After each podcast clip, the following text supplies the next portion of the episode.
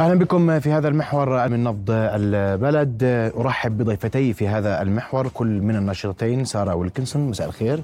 أهلا بك. وأيضا ليلى حطوم مساء الخير. أهلا بك. مساء النور. رؤيا بودكاست. أبدأ معك أستاذة سارة والسؤال بداية أرحب بك في الأردن واسال لماذا أنتم متواجدون في الأردن اليوم؟ Okay, thank you for inviting me. Um, yeah, I've traveled 3,002 miles to come to Jordan because we are asking for uh, food to be dropped on the northern Gaza um, under the hashtag um, uh, airdrop aid for Gaza. Um, the place to come was Jordan because the only people to have actually been able to drop medical aid has been um, the king and the crown prince and the princess, who have taken enormous risks to drop medical aid around the hospital compounds. So if you want to ask for food to be dropped on northern Gaza, which is very dangerous. It's in a dangerous area, um, and it hasn't so far been done because people are starving. Then you go to the pilots who've already done this before, and um, that, that's why I'm in Jordan. أستاذ ليلى هذه حملة تنظمونها من يدعم هذه الحملة من نظمها هذه الحملة أول شيء شكرا لاستضافتي أيضا. هذه حملة شعبية على وسائل التواصل الاجتماعي. بدأت عفويا بشخص صديق لنا موجود بأمريكا.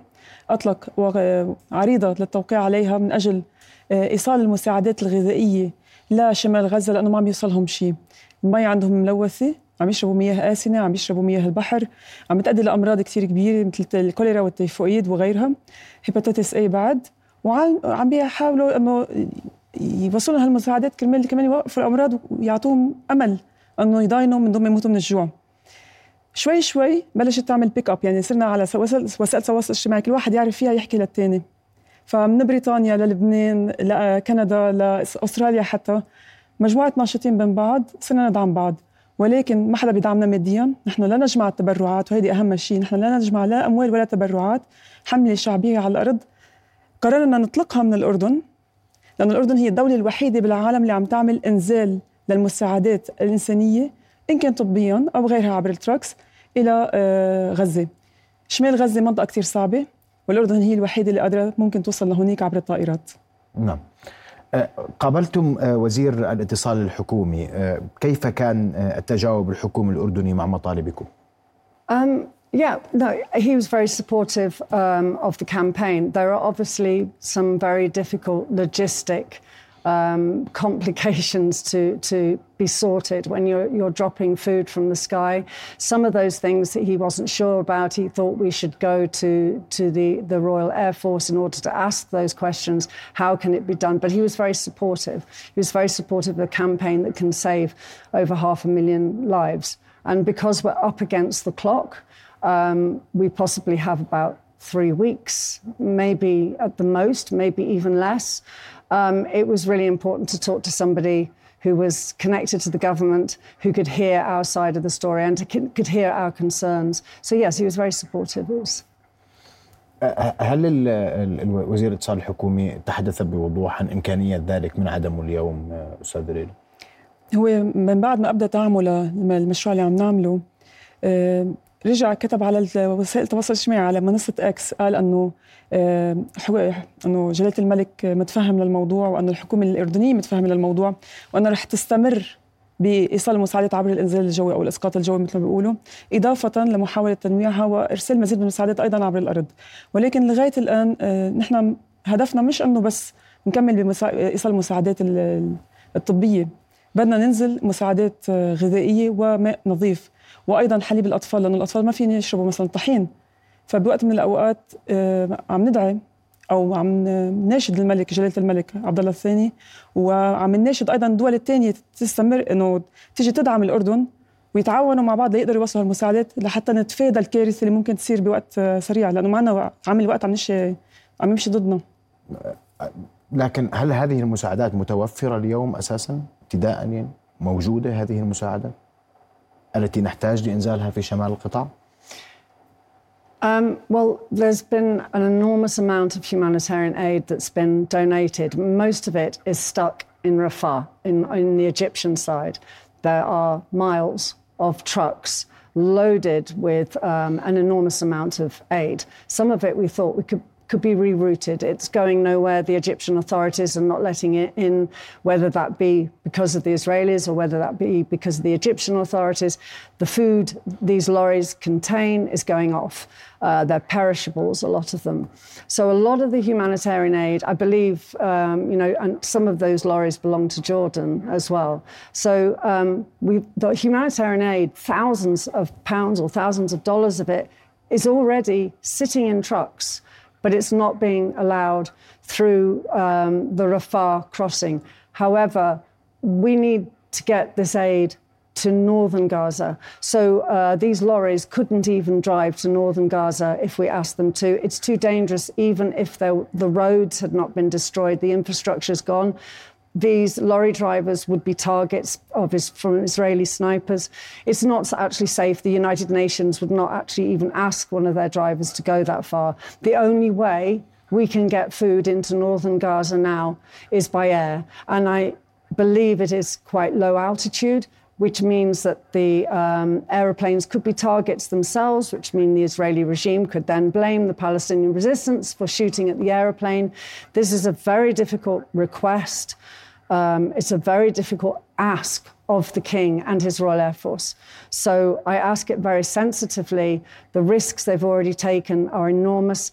He's an amazing humanitarian, was an amazing humanitarian royal family. To ask them to do a succession of food drops is a very big ask, which is why I came to Jordan. I don't make the big ask from the UK. I've come to meet him 100% of the way to plead with him to make these very difficult flights. But I am aware what I am asking, and I'm aware of the risks that it takes. الخطوة القادمة سواء أردنيا أو عالميا لضمان وصول هذه المساعدات لشمال القطاع نحن عدا عن أنه عم نجمع توقيع أشخاص من حول أنحاء العالم حتى نعمل ضغط أيضا أو مناشدة الناس اللي بيتبعونا أو الأصدقاء اللي بيتبعونا حول العالم بلش يحكوا مع المسؤولين السياسيين ببلدانهم وبالتالي بتلاقي مثلا أشخاص ببريطانيا أو بأمريكا عم يبعثوا رسائل أو عرائض للمسؤولين السياسيين إنه ليش ما عم تعملوا مثل الأردن؟ ليه ما عم تنزلوا مساعدات إنسانية؟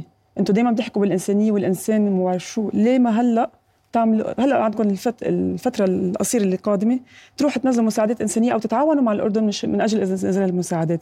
وبالتالي الخطوة الجاية هلأ إنه نكمل بهذا بهالحملة وبهالضغط وأيضا قد نذهب إلى بعض الدول من أجل مناشده المسؤولين فيها أيضا المساعدة. نعم. هل هناك وجهة محددة مع بعد الأردن؟ لا بعد ما قررنا وعم نسمع كثير أخبار وأقاويل على منصات التواصل الاجتماعي انه ممكن يروحوا على هالبلد أو هالبلد. ولكن بعد ما قررنا لأنه نحن حملنا حالنا من من جيبتنا دفعنا مصاري وسافرنا على الأردن وحبينا نطلقها من الأردن لأنه كان الدولة الوحيده اللي عم تساعد أه، أه، اليوم الحديث انه إنه يتم التواصل مع بعض المسؤولين في دول أخرى. هل هناك تجاوب؟ Um, not really no. I think Jordan has done the most up till now. Um, Jordan has been the has probably saved the lives of hundreds of thousands of Palestinians already. Um, I think if you're looking at a country like Britain, who couldn't even vote for the ceasefire, whether or not I would have faith in many Western countries to take the risk of um, an aid drop in northern Gaza. Uh, um, I don't think I have a lot of faith in, in Western countries at the moment. But I think if Jordan takes the lead, then um, I think I, mean, I, know that France has has made one coalition drop. Um, and, and, allowed some of its electronic equipment to be used. But you know, if other countries see what Jordan's doing and they think, well, hang on, you know, we look really bad here. We haven't done anything. We didn't even vote for a ceasefire, but we could, we could, you know, become part of a coalition and help Jordan to drop this aid and give these, you know, half a million Palestinians a chance of survival ceasefire could take it could take a year to come. Maybe we'll never see a ceasefire. So in the meantime, what we have to do is keep people alive. And with the diseases um, that are in the, the water supply, uh, the fact they're drinking seawater, they're, they're eating animal fodder, they're turning it into flour. Now, anim- this animal fodder or animal feed has certain hormones and, and chemicals added to it that can make uh, brains swell. Uh, it makes your muscles swell, but it, it's not for human consumption. I don't know what happens to Palestinian children eating animal feed. I, I, we're asking the Doctors Union to write uh, reports for us, medical reports, so that, so that we have more information. I honestly do not know what happens to babies that may be fed, bottle fed, animal feed. So we, you know, the other countries, Western countries, I, I actually don't care what country joins the coalition. Somebody has to join it. Somebody has to help Jordan out. Because up to now, the king and the crown prince and the princess and his royal air force have taken all of the risks. And um, I, I, you know, I think it's amazing what Jordan is doing. With respect, um, you, I think Jordan has possibly kept Palestinians alive longer than any other country. It's amazing what you've done. Now, I'd like Jordan to take the lead and put other countries to shame and, and get them on board. Let's get this food to the Palestinians. ذكرت في في البدايه ان كل ما حدث كان عبر مواقع التواصل الاجتماعي وان السوشيال ميديا وفي هذه الازمه تحديدا هناك واقع جديد تفرضه مواقع التواصل الاجتماعي كيف يمكن الاستثمار اكثر بما ذكرت به من اجل الضغط على المزيد من الحكومات المشاركة في هذه الانزالات مثل ما بتعرف معظم الحكومات والمسؤولين موجودين على وسائل التواصل الاجتماعي على المنصات. وأيضا آه، مش بس المسؤولين الأشخاص الفاعلين على الأرض رجال أعمال وحتى الأشخاص اللي بيعملوا أعمال خيرية. وبالتالي في عندك أشخاص مؤثرين قد إنه قد يستطيعون الضغط على حكوماتهم وقت من الأوقات أو آه، لأنه نحن فاتين على مرحلة انتخابات ببعض الدول. ممكن يستثمروا آه، الأشخاص الفاعلين أو الناشطين على وسائل التواصل الاجتماعي من أجل الضغط على حكوماتهم أو المسؤولين الموجودين حاليا. أنه بحال ما ساعدتونا بهالموضوع أنتم لا تحلموا أنه تطلعوا وترجعوا ننتخبكم. فانا بلقيتها أنه وسائل الإعلام التقليدي أحيانا ما عم بتوصل الصوت ولكن وسائل التواصل الاجتماعي أسرع تقدر توصل صوتك هونيك. ولكن ما بدنا الحكي يضله بس على وسائل التواصل الاجتماعي. لما تطفي تليفونك أو تطفي كمبيوترك بدي هيك بس تطلع كمان تحكي لغيرك شو عم بيصير. يعني أكثر من نصف مليون غزاوي هلأ موجودين بشمال غزة ما عم يوصلهم أكل ولا عم يوصلهم مي نظيفة. والأطفال عم بتموت من الجوع. شفنا حالة من حوالي ثلاث أربع أيام طفلة ماتت من الجوع. لأمتى بدنا ننطر؟ الوقت ما عندنا ما عندنا رفاهية الوقت. ما عندنا رفاهية الوقت. وهذا اللي لازم يفهموه. الرأي العالمي اليوم تغير عبر وسائل التواصل الاجتماعي. في بداية الأزمة كان المشهد والصورة مختلفة عن الصورة اليوم. واليوم هل فعلا خدمت مواقع التواصل الاجتماعي غزة وكيف يمكن أن تخدم القضية في قادم الأيام